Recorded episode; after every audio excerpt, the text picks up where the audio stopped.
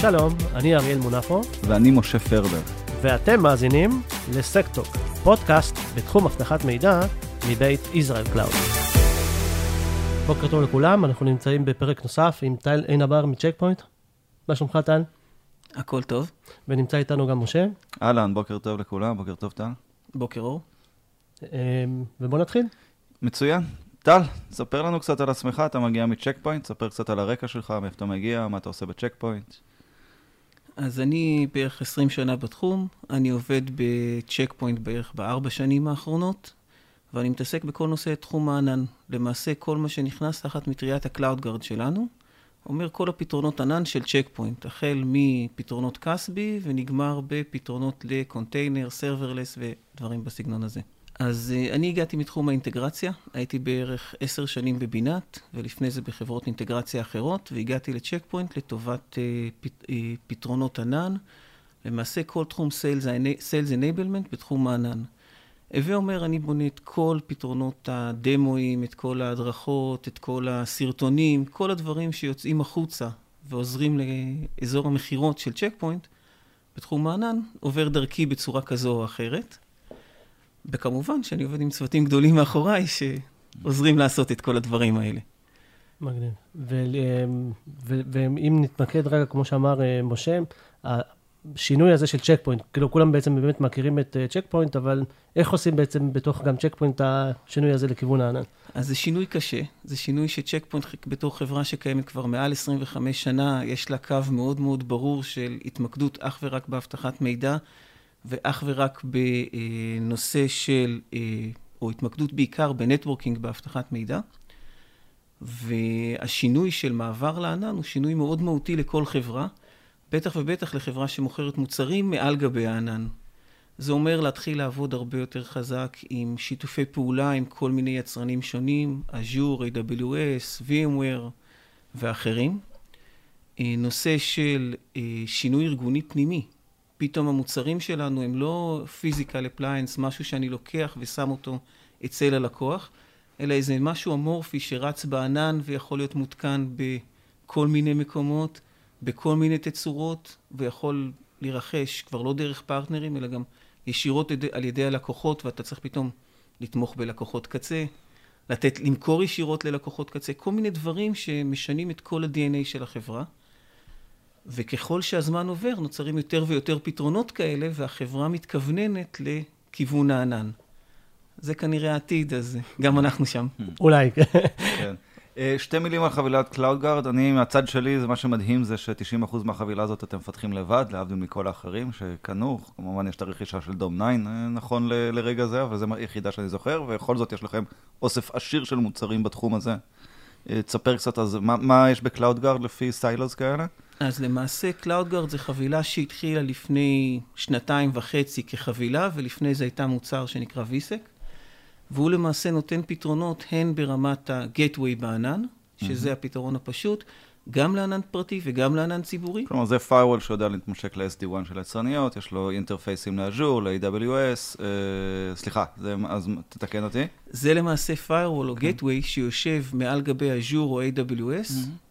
Ali Cloud, Oracle Cloud, IBM Cloud ואחרים, ויודע לתת פתרונות, את כל מנועי אבטחת המידע ש Check Point מפתחת וזוכה להם פרסים לאורך השנים, בסביבות האלה, גם ב private cloud וגם ב public cloud. נהדר. בנוסף לזה, יש לנו פתרונות כמו CloudGuard SaaS, שנותן פתרונות סוג של CASB, email security, דברים בסגנון הזה לטובת אפליקציות SaaS, Salesforce, 365 ודומה. 365, G-Cloud ואחרים.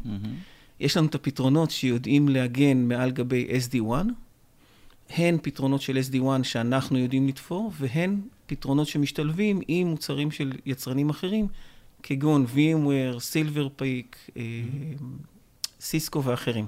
אוקיי, okay, זה בעצם אג'ים שאתם פורסים מעל היצרנים האחרים בעצם, או בדיוק. פתרון SD-WAN משלכם, נהדר. נכון, mm-hmm. בדיוק. והפתרון האחרון זה נושא של Dome9 ו-Logic, שאלה שני שירותי SaaS שאנחנו מספקים ונותנים visibility, monitoring, מעל גבי פתרונות של public cloud. Okay, רשתות זה, של public cloud. זה בעולם ה-Cloud uh, Security Workload Protection, סליחה, uh, Cloud, Cloud Platform Protection, אני לא זוכר אף פעם את הראשי תיבות האלה של גרטנר, נכון? Uh, כן. Cloud, אוקיי, בסדר, אז זה בעולם הזה. אז זה חבילת CloudGuard. נכון. מעולה. מה שסיכמנו שנדבר איתך בעצם זה על Cloud Migration, ומתוך Cloud Migration בחרת להתמקד בשני אתגרים, אה, סביבת הרשת ו- אה, ונושא של Visibility ו-Monitoring. בוא, בוא קצת נדבר על זה. אז אתה רואה המון אנטרפרייזים שעוברים לענן, מן הסתם דבר ראשון, לא, אני מקווה שדבר ראשון, לפעמים דבר, דבר שלישי ורביעי זה הם באים אליך בשאלות של Security, אז בוא תספר קצת מה האתגרים, מה אתה רואה, נכון. מה, מה צריך לעשות. אז כשאנחנו באים ומדברים עם ארגונים, וכמו שאמרת, אנחנו לא תמיד הגורם הראשון. ארגון כשהוא בא לעבור לענן, הוא נתקל בכמה דברים. הדבר, כמה נושאים. הנושא הראשון והכי מהותי, זה בכלל איך אני עובר. כי אנשים באים ומדברים עם מייקרוסופט, מדברים עם AWS, מדברים עם גוגל, כל אחד אומר דברים קצת אחרים. צריך איזשהו סדר בראש. ואז גם ברגע שאני לוקח ובא לעבור, וגם רוב הארגונים היום מתכוונים ל-multi cloud, כלומר כמה עננים במקביל, איך אני נותן ואיך אני עושה את המעבר, הן מבחינת השירותים, שזה פחות החלק שלי, אבל אנחנו גם כן עוזרים להם קצת בנושא הזה. והחלק השני זה איך אני מאבטח את הכל ודואג שמה שנשאר לי בארגון ומה שנמצא בכל ענן, הוא מוגן באותה צורה ועל ידי אותו פוליסי. כשאני אומר פוליסי זה לאו דווקא החוקים בפיירוול, אלא בכלל ההגדרות של מה מותר, מה אסור, מי מותר לו ללכת לאן וכמה. מדיניות אבטחת מידע כלל. בדיוק. המדיניות אבטחת mm-hmm. מידע, איך אני דואג שהיא תהיה אחידה בכל הסביבות, mm-hmm. כשכל סביבה נותנת לי גם כלים קצת שונים, גם יכולות שונות. ואף אחד לא מבין בדיוק איך אני מעכל את החיה הזאת. ואני לוקח גם את זה מהצד הפנימי, ש- שלפעמים גם באים אליי, אז זה לא רק אה, AWS, Google אה, ו-Microsoft, הם פונים לאינטגרטורים ופונים לאנשי מקצוע וביניהם לבין עצמם, ובאמת אני חושב שבאמת חשוב להתמקד בפודקאסט הזה, כי זה אחד, לדעתי, האתגרים הכי גדולים שיש לארגונים גדולים אה, ו-SMBs במעבר לענן. אז כאילו, לדעתי זה, זה, שיעור, זה, זה יהיה שיעור טוב לכולם. נכון. עכשיו, כשאני בא ומדבר עם ארגונים לעבור לענן, הם באים ואומרים לי, תקשיב, יש לי את האפליינסים. אני רוצה את אותו appliance בענן. אז זה נכון, אני רוצה את אותם מנועים ואת אותם הגנות שיש לי, אבל אני לא יכול לקחת פשוט ולשים את זה בענן. ולו רק מהסיבה הפשוטה שבענן אני לא יכול לתקוע אפליינסים. אתה יכול לנסות לבקש מ-Amazon, בדיוק. מייקרוסופט, אני לא כל כך יודע איך הם יגיבו. זה יכול להיות מעניין. אני בטוח שהם שמעו בקשות מוזרות כאלה לפחות. כן. אז הרעיון הוא שאני רוצה לקחת את אותם מנועים, את אותם יכולות, ולהכניס אותם לענן. זה אומר שאני צריך להתחיל לעבוד עם ה-marketplace. זה אומר שאני צריך להחליט אם אני ממשיך לעבוד עם אינטגרטורים, או עובד ישירות דרך ה-marketplace בשיטות שיטות קנייה ושיטות הטמעה אחרות לגמרי. אני פתאום צריך להתחיל לעבוד עם טמפליטים. כלומר, לקחת ולבנות סקריפט שלם שפורס הן את האפליקציה עצמה, הן את היכולות אבטחת מידע, והכל משולב ביחד ורץ כגוף אחד. מאחר וזה התהליך, ובהרבה ארגונים אנחנו רואים שמכניסים צוותי DevOps וצוותים, ההטמעות למעשה הן מתחילות להיות בצורה מבוזרת. כבר אין יותר את ה-IT שאחראי על הכל. ה-IT אחראי, אבל הוא לא עושה את העבודה בפועל. כלומר, גם האנשים שמבצעים את העבודה, זה לאו דווקא האנשים הכי מנוסים, או אנשים שעברו הדרכות איך לעשות את זה. ובגלל זה אנחנו רואים, וגרטנר מציגים את זה מאוד יפה, שבערך 90 אחוז, 95 אחוז מהתקלות ובעיות שאנחנו מוצאים בענן, זה אשמת המשתמשים. כי פשוט אין להם הרבה ניסיון, לא בגלל שהם עושים. זה misconfigurations וטעויות והכוונות אחרות. כן, מזכיר לכולם שפרק 2 או 3 דיברנו על misconfiguration, מי שרוצה להיזכר ברגעים עליזים של לקוחות אחרים שחטפו. אבל זה כבר ב-Silver Lining, זה עם אה, האנגלית. נכון, זה ב-Silver נכון. Lining באנגלית. עם יבגני. צודק. אבל בסדר, אנחנו נשים גם קישור לפרק הזה. אז אחד הדברים שאנחנו מסתכלים עליהם, זה גם הנושא של ההטמעה. כלומר, אם יש פרטנר או אין פרטנר באזור, איך אני עובר את זה. דבר שני, זה כל הנושא של מה אני מטמיע. פתאום אני נכנס לענן, יש לי סביבות שהן דינמיות הרבה יותר. תחשבו עכשיו מגיע איזשהו חג קניות. יש לי appliance, ה-appliance מגיע לרמת מקסימום שלו ונתקע. אז אני צריך לרכוש מראש ציוד, לקוות שקבעתי מראש, ושיעמוד לי בדרישות. בענן יש לי רכיבים כמו auto scaling. כמו אפשרות לגדול ולצמו, ולקטון על פי כמות המידע שאני מצורך. הציוד אבטחת מידע צריך לתמוך בזה. וה-policy צריך להשתנות אוטומטית, כי אם העליתי עכשיו mm. שרת web אוטומטית מאחורה, איך אני לוקח ומתאים את זה? אז יש כלים ויש יכולות כמו ה-Cloud Guard Controller שלנו, שזה רכיב ב-management שיודע לדבר עם החשבון ענן שלך, להבין את השינויים שקורים באפליקציות ולהתאים את ה-Security Policy בהתאם. Mm-hmm. אני יכול לקחת ולעבוד לדוגמה ב-clustering. clustering לא חייב לשבת באותו אזור. הוא יכול לשבת באותו אזור, אבל בדאטה סנטרים שונים, ב-availability zones שונים, mm-hmm. ואז למעשה אני צריך לקחת ולהחיל את אותו policy בשני הצדדים. זה שיטות הטמעה שאין לי אותן בכלל ב-on-prem, אין לי אותן ב-physical appliances, אני לא יכול להגיע לזה בכלל.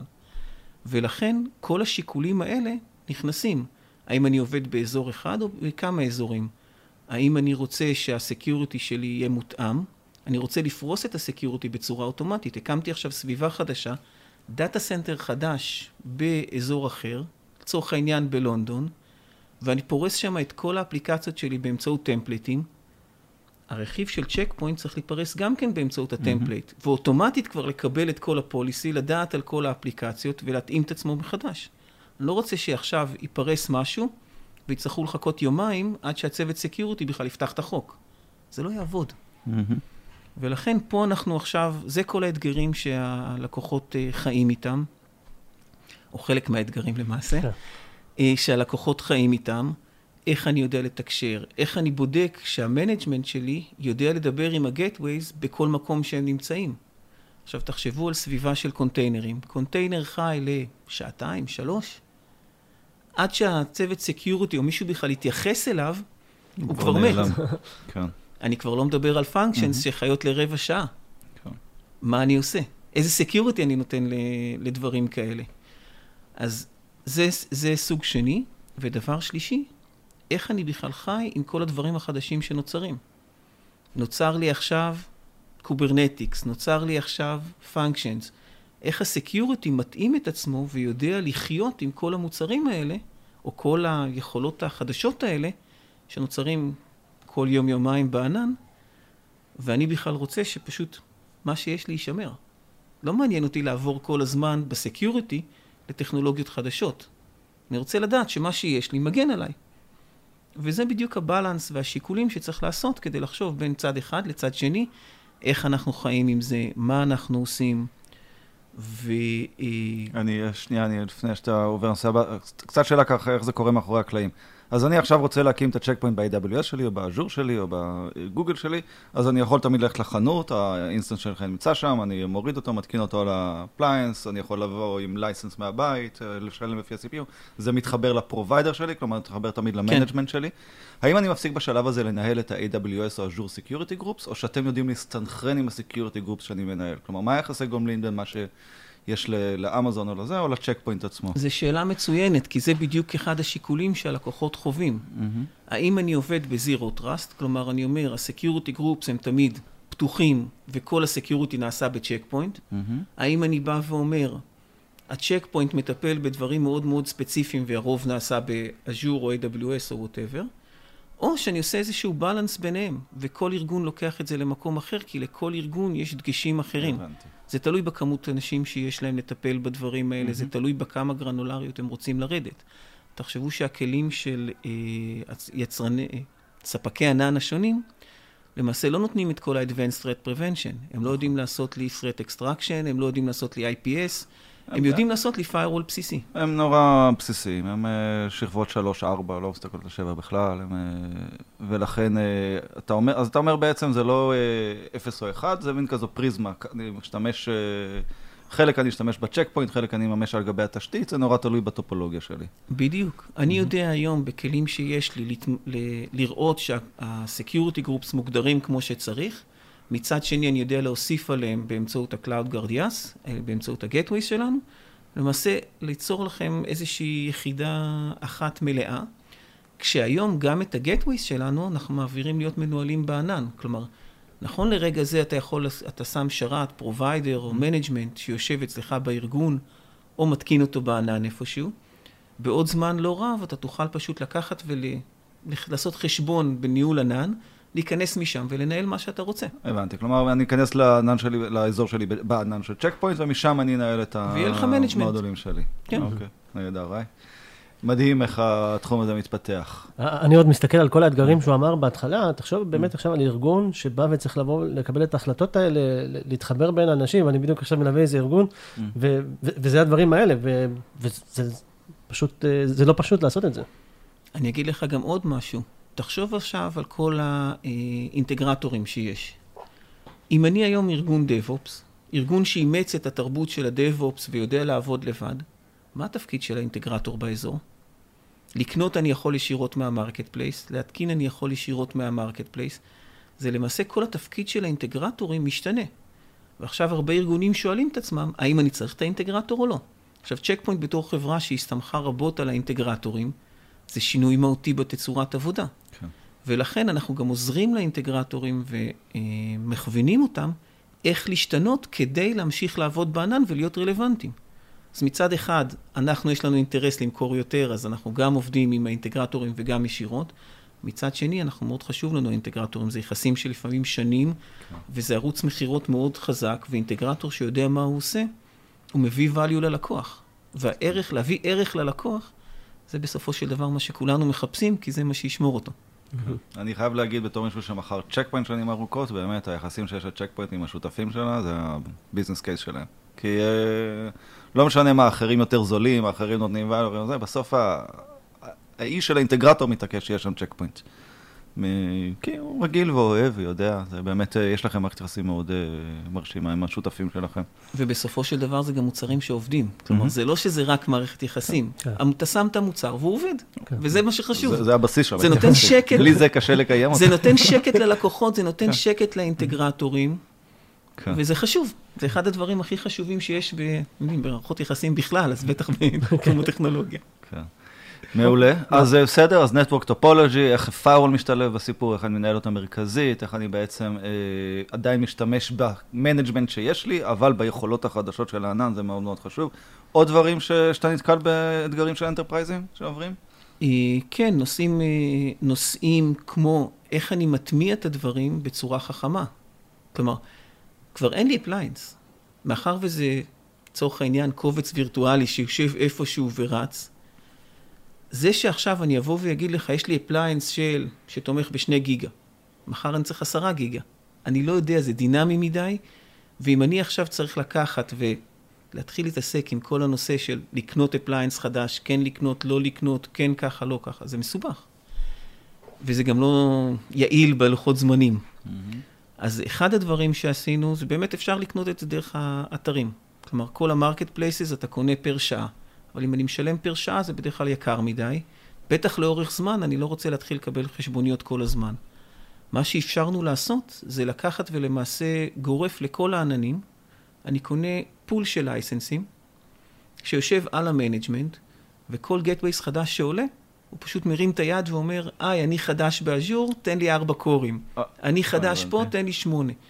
ואז למעשה ככה הלקוח יכול לשחק. היום זה גדול יותר, מחר זה גדול יותר. תשנה את הגודל של המכונה, והכל מותאם אוטומטית. היי, נהדר. אז בעצם גם אתם התרגלתם לעולם הזה של ה-on demand, ובעצם יש לכם פול של licenses, ואני מנצל אותו בהתאם לזה. כי באמת תהיתי, ה licenses של צ'ק פוינט היה תופעה מאוד... אה, כן, מאוד strict, כלומר לא יכולת נכון. באמת אה, לברוח מה license המדויק למה שאתה רוצה להריץ, היה מאוד קשה לעשות משחקים עם זה. אז והיום אוקיי, אתה גם פשוט אתם לוקח, התגמשתם. והיום mm-hmm. אתה פשוט לוקח, יש לך בריכה של licenses, בריכה של רישיונות שיושבת mm-hmm. ב management, והיא זמינה לחלוטין. ואז אתה יכול גם לקחת, אתה רק צריך עוד cores, אתה פשוט מוסיף את זה לבריכה, וזה אוטומטית מתאים okay. את אוקיי. עצמו. ואם אני משחרר, אז אני לא אשלם לכם על הלייסנס? זה הרעיון? בלייסנסים האלה, mm-hmm. אתה עדיין קונה אותם כרישיון mm-hmm. שנתי. הבנתי. וכל שנה הוא מתחדש, אבל כל שנה תתאים את הכמות רישיונות בהתאם למה הזה. שאתה צריך. Mm-hmm. ויותר מזה, גם, גם אם חרגת עכשיו מהפול, לא, באופן זמני, אני לא אחסום אותך. אני אודיע לך, אדוני, לך תקנה עוד רישיונות. אם אתה חורג לאורך זמן, אז זה כבר משהו אחר. כמה טלפונים היו מעירים אותי בשתיים בלילה, שנגמר ה-evaluation license של צ'ק פוינט? וואי, אתה לא מאמין בכלל. אני יודע. ואז באמצע הלילה אתה מתחיל לנסות לחפש מה עושים, ואי אפשר להרחיב את ה license, כאילו, עשית 30 יום, נגמר 30 יום, ה-firewall לא עובד. הוא עובד, אבל אתה לא יכול לעשות שום שינוי. אני. נתקלתי ב databaseים כאלה אחרי של- אה, 180 יום, אז זה באמת, אה, מזל שהעולם גם משתנה, גם אה, עם האפשרות הזו שאתה יכול להשתמש. בענן, אם תנסה לעשות כאלה דברים, הלקוחות יזרקו אותך. נכון. זה כן, פשוט לא אפקטיבי. דינמי מדי, כן. פעם יכולת לבוא לקחת טענות, למה אתה עושה שינוי ולא הודעת לי. הסביבות כל כך דינמיות, יזרקו אותך מכל המדרגות. אני גם לא יודע מה הולך לבוא לי. להגיד לך יותר מזה, גם לא מעניין אותי ה-gateways. בסופו של דבר, זה בעיה של הלקוח. הלקוח יכול להחליט היום שיש לו ארבע gateways, מחר יהיו לו שמונה, והוא יורד לשתיים. זה כל כך דינמי, לא רוצה להיות חלק מהתהליך. כן, לא רוצה לקבל את הטלפונים האלה בלילה. כן. נגמרו הימים שמכרנו firewall שלא שמענו שלוש שנים ממנו. בדיוק. אז אה, אפשר לעבור לאתגר השני, לאתגר הבא? אני אגיד לך רק אוקיי. עוד, רק עוד נקודה אחת. תחשוב על זה שכשאתה קנית appliance, כמו שהזכרת, משה, לשלוש שנים, תמיד לקחת גם אקסטרה, כי לא ידעת מה יהיה לך נכון. בעוד שלוש שנים. בענן, בגלל הצורות תמחור ובגלל השיטת עבודה, אני קונה מה שאני צריך היום. אתה הרבה יותר מדויק, אתה לא מפחד מהדינמיות. ומחר אני צריך לגדול, עוד חצי שנה אני צריך לגדול. סך הכל שדרוג קטן. אני גם, דרך אגב, לא עושה שדרוגים. אין יותר שדרוג גרסה. אני פשוט פורס עוד משהו מקביל, מעביר אליו את התעבורה והורג את הישן. כן. השדרוגים הרבה יותר קלים, הכל הרבה יותר קל ופשוט בענן. גרין בלו דפלוימנט, כן, נכון. כן. מעולה. אז יאללה, אז נעבור ל- ל- לאתגר הבא, אז אה, היה לנו קשה, עבדנו עם, ביחד עם צ'ק פוינט ועם האינטגרטור, מי שזה, אנחנו בענן. אז מה קורה עכשיו? אוקיי. אז עכשיו אנחנו מגיעים לחלק היותר מעניין אפילו. פרסתי והכל עובד. שגם זה בעייתי, כי אמרנו שאנחנו כל הזמן פורסים וכל מיני גופים פורסים, אז אין לי כזה דבר של יש לי סביבה עובדת ועכשיו היא מחכה. כל הזמן יש שינויים ועדכונים. וכשאני מסתכל לדוגמה מבחינת compliance, תחשבו על גופים. גופים שכפופים רגולטורית. הם חייבים להיות ב compliance. עכשיו, אם אנחנו מסתכלים על, ובואו נשים את הדברים על השולחן, איך עושים compliance בחברות? מגיע בודק איזו פעם בחצי שנה, כולם מתארגנים שבועיים לפני זה, עוברים לסדר את הכל, לארגן את הכל, ואחרי שהוא הלך, מתחיל לחזור לאט לאט הבלגן. בענן זה לא יעבוד. כי ברגע שלא הצפנתי את ה database, או לא חסמתי את התעבורה כמו שצריך, המידע מיד נגנב. יש לי סקריפטים שרצים אוטומטית ומחפשים בדיוק את החורים האלה. זה אפילו לא אנשים, זה כאילו אוטומטית. ולכן אני חייב לוודא שאני כל הזמן ב compliance. יותר מזה, אני חייב לוודא שאני כל הזמן יודע מה קורה לי בארגון. כי יש לי 20 אלף איש שפורסים את הדברים, ואיך ה-IT יודע על מה הוא משלם. ולכן כלים, visibility, שפשוט בודקים ורואים מה האינבנטורי שלי, מה פרוס איפה, איזה גודל מכונות משתמשים, לוודא שלא מנצלים לי את זה. היה לנו לקוח, לדוגמה, שעשה POC עם דום 9 לצורך העניין, הכניס חשבון אג'ור של 5,000 אסטים בענן, והוא סתם פשוט עבר על האינבנטורי. פתאום הוא קלט שיש שתי מכונות מאוד מאוד גדולות. הוא אמר, מה זה? אני צריך לבדוק את זה. לקוח בחו"ל. כשהוא בדק את זה, הוא גילה שיש איזה עובד שעשה לו ביטקוין mining בארגון. עכשיו, זה כלי visibility, זה סך הכל כלי שנותן לך inventory מה פרוס, אבל תחשבו עם 5,000 ש- שירותים שפרוסים, ה-IT בחיים לא היה עולה על זה. אני לא מדבר כבר על ה security. אתה משלם 1,000-1,500 דולר לשעת עבודה של כזה שרת, זה הרבה כסף. מהמם. אז ויזיביליות. ויזיביליות. מהמם. דבר מה שני? זה כל הנושא של compliance. לדוגמה, היום יש מקומות שאני חייב שכל התעבורה בין השרתים או בין השירותים השונים שלי תהיה מוצפנת. כל ה databaseים שלי יהיו מוצפנים. עכשיו, אמרנו כבר קודם שאנשים לא תמיד עוברים אה, הדרכות מסודרות. תחשבו על database administrator, הוא בחיים לא נגע ב networking, בשרת, בכל הגישה לאינטרנט, זה לא תחום התמחות שלו. לוקחים אותו, אומרים לו במשך חצי יום, אדוני, זה הענן, ככה נראה הפורטל, יאללה, סע. שולחים אותו לאיזו הרצאה של אריאל על, אה, בדיוק, על- ענן, והוא עכשיו מומחה. בדיוק. אתה יודע, זה עצוב, זה סיפור אמיתי, ובאמת זה, מה שקורה. זה, זה, זה אסון. כן, כן, אני יודע. וזה תקלות אוטומטיות. אז אני חייב משהו שייקח ויראה איך אני מנטר את ה compliance שלי בצורה קבועה. אז נכון שאני לא צריך את זה כל דקה, אבל כל שעה, כי בארגונים גדולים יש לי המון שינויים כל שעה, אני יודע לקחת ולהריץ את זה אוטומטית. היום עם הכלים שיש לנו, אני גם יכול לקחת והרבה מהתקלות שאני מוצא, לתקן אותם באופן אוטומטי. כלומר, זיהיתי עכשיו ש database לא מוצפן כי מישהו שכח להריץ את ה-V בריבוע המתאים, אני יודע ללכת ולתקן את זה. אני יודע ללכת ולתקן את המפתחות הצפנה. אני יודע ללכת ולקחת ולסמן traffic שיתחיל לעבוד HTTPS בין השירותים במקום HTTP, או כל מיני דברים בסגנון הזה. וזה חלק אוטומטי מה-compliance, מהתהליך compliance בכלל. זה לא משהו שאני צריך לקחת עכשיו, עשיתי את זה, ואני פותח לכם ticket, לדוגמה, ב... אה, ב Slack, אני פותח לכם ticket, או ב ServiceNow, כדי שתתחילו לטפל בזה. תטפלו בזה עוד יומיים, יכול להיות שהשירות יהיה כבר למטה, זה לא רלוונטי, mm-hmm. והמידע כבר ברח. ולכן כל התיקונים האוטומטיים, כל ה visibility האוטומטי, לבוא, להסתכל על הדברים, לנתח את הקונפיגורציה, לקחת, דיברנו קודם על ה-Security Groups, mm-hmm. איך אני יודע שכל ה-Security Groups מוגדרים כמו שצריך? אמרנו, נתנו את הדוגמה קודם עם ה-5,000 שירותים. אלה 5,000 שירותים פרוסים על גבי כמה עשרות Security Groups. איך אני יודע שהקשרים ביניהם נכונים? אז יש לנו כלי שעושה visibility לדבר הזה mm-hmm. ומסווג את רמת חשיפה של ה-Security Groups בהתאם לסיכון. אני חייב להגיד שזה אחד מה killer feature שלכם. כולם מתלהבים מהיכולת להוסיף ויזיביליות לסביבות האלה, ויזיביליות גרפית. נכון. בדרך כלל מאוד uh, בעייתית שם. נכון, ויותר mm-hmm. מזה, אתה גם מסתכל על זה ברמת הארגון ולא ברמת החשבון הבודד או הסביבה הבודדת, אלא אני mm-hmm. לוקח ועושה את זה כולל יותר. וזה בדיוק אחד המקומות שאנחנו מחפשים אליהם.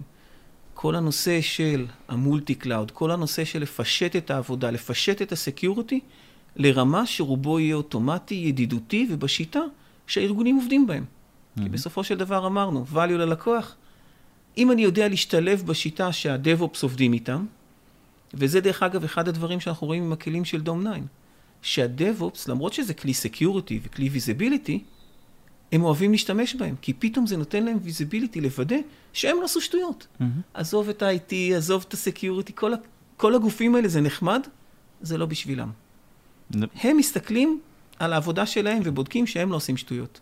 איך זה עובד uh, בתכלס? אני הולך לאתר של, uh, ל cloud של Check Point. אתם עדיין קוראים לזה Dome9 או זה, יש לזה שם? CloudGuard Dome9. CloudGuard 9, הרבה דמיון. כן. ואז אני יוצר בעצמי חשבון, ואז אני מחבר את החשבון הזה ל Azure slash AWS שלי. לחשבונות של ה Azure ו-AWS אצלך. אני יוצר איזשהו IAM user, מקשר ביניהם, ואז... אה, אתה אפילו לא יוצר את ה-IAM user. אתה רק נותן לי permissions לחשבון אוקיי, שלי, אוקיי. להיכנס לחשבונות שלך, ב-read only או ב-read write. אז זה cross account permissions כזה. בדיוק. כשהתהליך כולו של ה onboarding של החשבונות האלה, גם Google Cloud דרך אגב, הוא לוקח פחות מחמש דקות לכל חשבון, וברגע שעשיתי את זה, אני מתחיל לייבא את, הד... את המידע, כשלמעשה אני לא מסתכל על המידע. למה אני לא מסתכל על המידע? אחד, הוא פרטי שלכם, אז אני לא רוצה לדעת אותו. ב', אני לא רוצה להיות חלק מהתהליך compliance שלכם, או כל הדברים האלה. אז מה שאני מסתכל עליו זה רק ה metadata. Mm-hmm. איזה, איזה דברים פרסתם, לא איזה מידע עובר. ואז גם הרבה יותר קל לכם.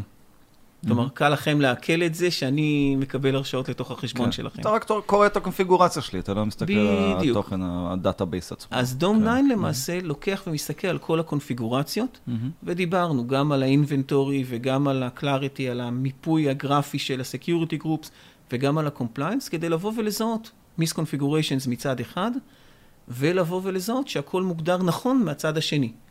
גם אם הוא מוגדר נכון, זה לא אומר שהוא מוגדר יעיל, אז גם. פה אני רוצה לעזור. אוקיי. Okay. הרכיב השלישי שיש לנו, שעכשיו היום נדבר עליו, זה הלוג'יק, שהוא למעשה משתלב עם הדום 9, הוא לוקח את ה-flows, net flows לצורך העניין, מ-AWS ובקרוב מאוד גם אג'ור, הוא לוקח את כל ה-user activity, מי נכנס לאיפה, מתי, איזה סרוויס עשה גישה לאן, מנתח את הכל ביחד עם Geolocation אה, Repositories, כמובן עם הענן שלנו, mm-hmm. ויודע לתת שכל לכל המידע הזה. את כל הנתונים האלה אני יכול או להציג לכם על המסך ולתת לכם כל מיני דשבורדים ודוחות מעניינים ודברים מעניינים, או שאני יכול לקחת ולשלב את זה עם הסים שלכם, עם כל מיני מערכות אחרות שיש לכם, כדי להקפיץ לכם את התודעה. אז למעשה, אם אני לוקח רגע ומסתכל שנייה מבט למעלה יותר, אז יש לי את ה- CloudGuard IaaS שנותן לי את כל האכיפה. יש לי את ה Dome9 שלוקח ומסתכל על כל הקונפיגורציות והמדיניות שהגדרתי לוודא שהיא נכונה. כל ה monitoring וה auditing. בדיוק, mm-hmm. ויש לי את ה Log.ic שלוקח ומסתכל תכלס על המידע שעובר, על הלוגים של המידע mm-hmm. שעובר, ובודק שמה שהוגדר, שלא שכחתי להגדיר שום דבר בשניים האחרים. Mm-hmm. ולמעשה ככה אני יודע לתת 360 מעלות של הגנה. נהדר. אה, קצת בפרקטיקה, אז Dome9 היום מגיע לשלושת הגדולים. עוד משהו, נגיד אם יש לי VMware פנימי, מה אני שם? זה אני שם דום 9 או שזה הגארד IS? אז CloudGuard IaaS נותן הגנה ל private cloud. Mm-hmm. כרגע Dome9 ו Log.ic לא מתייחסים ל private cloud. Mm-hmm. למרות שאני יכול לתת פה איזשהו אה, קדימון, שאנחנו הולכים... יופי, נו, זה כבר טוב. שאנחנו הולכים לתמוך בפלטפורמות אה, פנימיות יותר, גם חיצוניות, גם אה, פנימיות, סטייל קונטיינר, סטייל serverless, סטייל דברים ש... אחרים, שייכנסו לתוך הפלטפורמות האלה וירחיבו את הפתרון גם לעולמות האלה של ה Kubernetes, של, של ה functions, כל הנתונים האלה, בדיוק כי אנחנו מסתכלים על קצה לקצה, ואנחנו לא רוצים לבוא ולפספס חלקים גדולים, כי כמו שאמרנו, value ללקוח. איך אתה רואה, רק אני חייב אה, לשאול, איך אתה רואה את ההתפתחות של הענן הציבורי מול הענן הפרטי?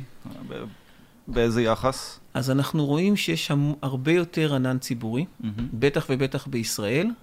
אה, הענן הציבורי תופס הרבה יותר נפח, אבל ארגונים גדולים, או ארגונים עם IT מאוד מאוד חזק, עדיין אוהבים לשמור בטח ארגונים רגולטוריים, תיקח בנקים שיכולים להעביר מידע מאוד מאוד ספציפי לענן הציבורי, את כל הפנימי ומה שהם מחויבים לשמור בפנים, הם עוברים לענן פרטי כי אין להם ברירה, הם לא רוצים, הם עדיין רוצים לקבל את כל היתרונות של הענן, אבל אסור להם לצאת החוצה. גופים ביטחוניים שלא יכולים לצאת החוצה, אז בונים אצלהם. Mm-hmm. בעיקר זה גופים רגול... שכפופים רגולטורית או רגישים מבחינת uh, המידע הרגיש אצלהם, mm-hmm. והם רוצים לשמור אותו אצלם, הם נשארים בענן הפרטי. Mm-hmm. כל השאר, יש נהירה מאוד מאוד גדולה לענן הציבורי. אוקיי. Okay. לי יש שאלה אחת, רק mm-hmm. איך אתה רואה את, ה, את העולם הזה ש, שמשתנה, אתה יודע, דיברנו קצת על IT, מבחינת הניטור, אה, שוב או דברים כאלה, איך היום בא בן אדם, שאתה יודע, שהיה רגיל לעולם הישן, ובא, אומר, אוקיי, איך אני יכול גם את כל הלוגים האלה שבאים לי מכל העננים וכל הדברים. אה, אמרת שאולי הדב-אופס גם אה, מסתכלים, איך אתה רואה מהלך נכון של ארגון, שהיום רוצה לבוא ולשלוט בכל השינויים האלה? אז יש היום לכל אחד מה-Cloud Vendor או Cloud Providers, יש לו את הכלים שלו לאסוף לוגים. אנחנו, אחד הדברים שאנחנו עושים לדוגמה עם הלוג'יק, זה מתחברים לכלים האלה, כי הם כבר עושים את זה. או מאוד קל ופשוט לעשות את זה איתם. אז מה שאנחנו עושים, אנחנו לוקחים את המידע שמגיע אליהם, ומוסיפים עליו את כל השכבות, אנחנו של אבטחת מידע. יש גופים מקבילים אלינו שעושים את זה מבחינת uh, traffic ומבחינת uh, יכולות אחרות. אז כל אחד לוקח את המידע הזה ומוציא, וגם ה-Cloud Service Provider עצמם יודעים לתת uh, כלי monitoring היום כבר יחסית טובים, שאפשר להשתמש בהם. החיסרון שלהם, וזה החיסרון הכולל של ה-Cloud Service Providers, שהם מסתכלים על עצמם. אני לא רואה את אג'ור נותנים ל-AWS לנהל את ה security אצלהם, או לנהל את הלוגים אצלהם. כן. הכלים החיצוניים, הם יודעים א', לתת אקסטרה, כי בסופו של דבר אלה גופים ענקיים, שאם אני מסתכל על ה security, ה security הוא קטן יחסית להיקף עסקים שלהם. אז זה מעניין אותם, כי הלקוחות דורשים, אבל לא ברמה כזאת שהם עכשיו יבואו וישקיעו בזה את הכמות אנליסטים וכמות חוקרים וכמות מידע, כמו שלנו זה מעניין. הם מניסיוני נותנים כלים שהם entry level, אומרים, אתם רוצים דברים יותר מתוחכמים, יש לנו את השותפים שלנו, Check Point, תלכו אליהם, תקחו, אנחנו ניתן לכם את המינימום שצריך בשביל לעבור את המשוכה. ואם אנחנו מדברים על זה שהיום Gartner צופים שעד 2021 בערך 70% מהעסקים יהיה להם multi-cloud, אז אני בכלל חייב כלים חיצוניים כדי להסתכל על תמונה כוללת, כי אף ארגון לא רוצה לבוא ולהגיד, אוקיי, ב Azure שלי זה ככה, וב-AWS שלי זה ככה, וב Google Cloud שלי זה ככה. ובאון on-prem זה ככה. ואני לא מדבר בכלל עם ארגונים שמכניסים את Ali Cloud, או Oracle Cloud, שזה כל מיני אה, עננים נוספים, שהם עובדים קצת אחרת, ואז לך תדע ותדבר את השפה של כל cloud provider, לך ת, תבין mm-hmm. את הכל. זה המון המון עבודה והמון המון ארגונים, ומה שאפשר לתת בצורה מאוחדת, הארגונים רוצים. אוקיי. Okay. Okay. טוב, אז בואו ננסה לסכם. אז Check Point עשו מעבר לענן על ידי בנייה בעצם של אה, חבילה, הרוב בונה, אה, סליחה, נבנה מהבטן, שכוללת מהענן הפרטי אה, מוצרי אכיפה, שזה ה-Cloud Guard IAS, ועד לענן הציבורי בתחום האכיפה, שזה, שזה ה-Cloud Guard IAS, פלוס מוסיפים עכשיו שירותים נוספים לקונטיינרים, לסרברלס, ומוסיפים על כל זה מעטפת של ניהול, שזה ה-Cloud Guard Dome 9. ורכיבים חדשים ל-SD1. כלומר, יש לכם חבילה מקיפה כמעט על כל הצרכים, סליחה, והקסבי שלא הזכרתי לסביבות הסאס, יש לכם חבילה מאוד מאוד מקיפה לכל הצרכים. אה, ומה שדיברנו זה שארגונים כשהם עוברים לענן, שני אתגרים מרכזיים, אחד זה כל הנושא של ה-Network Security, איך אני בונה אותו מחדש. אין טעם לגרור את הכלים הישנים, כי הם לא מכירים את הסביבות החדשות, סביבות דינמיות מתנהלות אה, קצת אחרת, ולכן בעצם צריך סביבה ש... סליחה, צריך מוצר firewall שמכיר את ההתנהגות של ה... מוצר gateway. firewall היום לא יעזור כן. לך ממש. נכון, אבל שינינו טרמינולוגיה, אה, אז צריך מוצר gateway שידע להכיל את היכולות האלה, אה, וזה אה, בעצם יכולת להתממשק ל management ולהתחבר לכל הדינמיות של הסביבה הזאת. בכלל להתחבר mm-hmm. לחשבונות ענן, להבין כן. מה קורה שם, כדי להפיק מזה תובנות לטובת ה security. כן, אין לי שום יכולת בדינמיות של הסביבות האלה להתחיל להזין ידנית את כל כתובות ה-IP וזה וזה, כשלפעמים מרימים לי בשניות אה, סביבות שלמות שנעלמות אחרי שעתיים. נכון. דינמיות גדולה מדי. ואתגר שני, אוקיי, סבבה, עלינו, איך אני שומר על ויזיביליות, איך אני שומר בעצם על... אה, על יכולות אכיפה בסביבה שהיא מאוד מאוד דינמית, ובו נכנס בעצם ה-Cloud Guard Dome 9, שהוא המתחבר לחשבונות uh, AWS/Azure שלי, גוגל. גוגל, כל הגדולים, ויודע לשלוף את המטה דאטה ולתת mm-hmm. לי תמונת מצב ויזיבילית, גרפית, uh, ניטורים יותר מעמיקים, וזה בעצם החבילה, נכון? נכון. מצוין. Okay. אוקיי. יש עוד משהו שתרצה ככה להגיד לסיום, uh, לקהל מאזינים שלנו? שכדאי להמשיך לעקוב, כי כל הזמן יוצאים דברים חדשים, ולצערנו וה... ולטובתנו, בתור עובדים בתחום, אז זה יוצר לנו עבודה, אבל כל הזמן יוצאים דברים חדשים, מוצרים חדשים, טכנולוגיות חדשות, ויש הרבה דברים בפתח, אז כדאי לשים לב ולעקוב אחרי זה כל הזמן. כן, האמת שזה העולם שלנו היום, והוא לא ישתנה. מי שלא יצליח להתחבר ככה לכל מה שקורה, אז אה, או שיהיה לו פריצות, או שהוא יישאר מאחורה ברמה עסקית. Mm-hmm. אז אה, תודה לכל אה, מי שהאזין לנו. משה, תודה רבה. טל, תודה רבה. אנחנו בסקטוק מבית ישראל קלאוד. שלום לכולם. תודה. עד כאן הפרק להיום. תודה שהאזנתם לסקטוק. אתם מוזמנים לעקוב אחרינו, היכנסו לאתר techtalk.co.il כדי להישאר מעודכנים. נתראה בפרק הבא.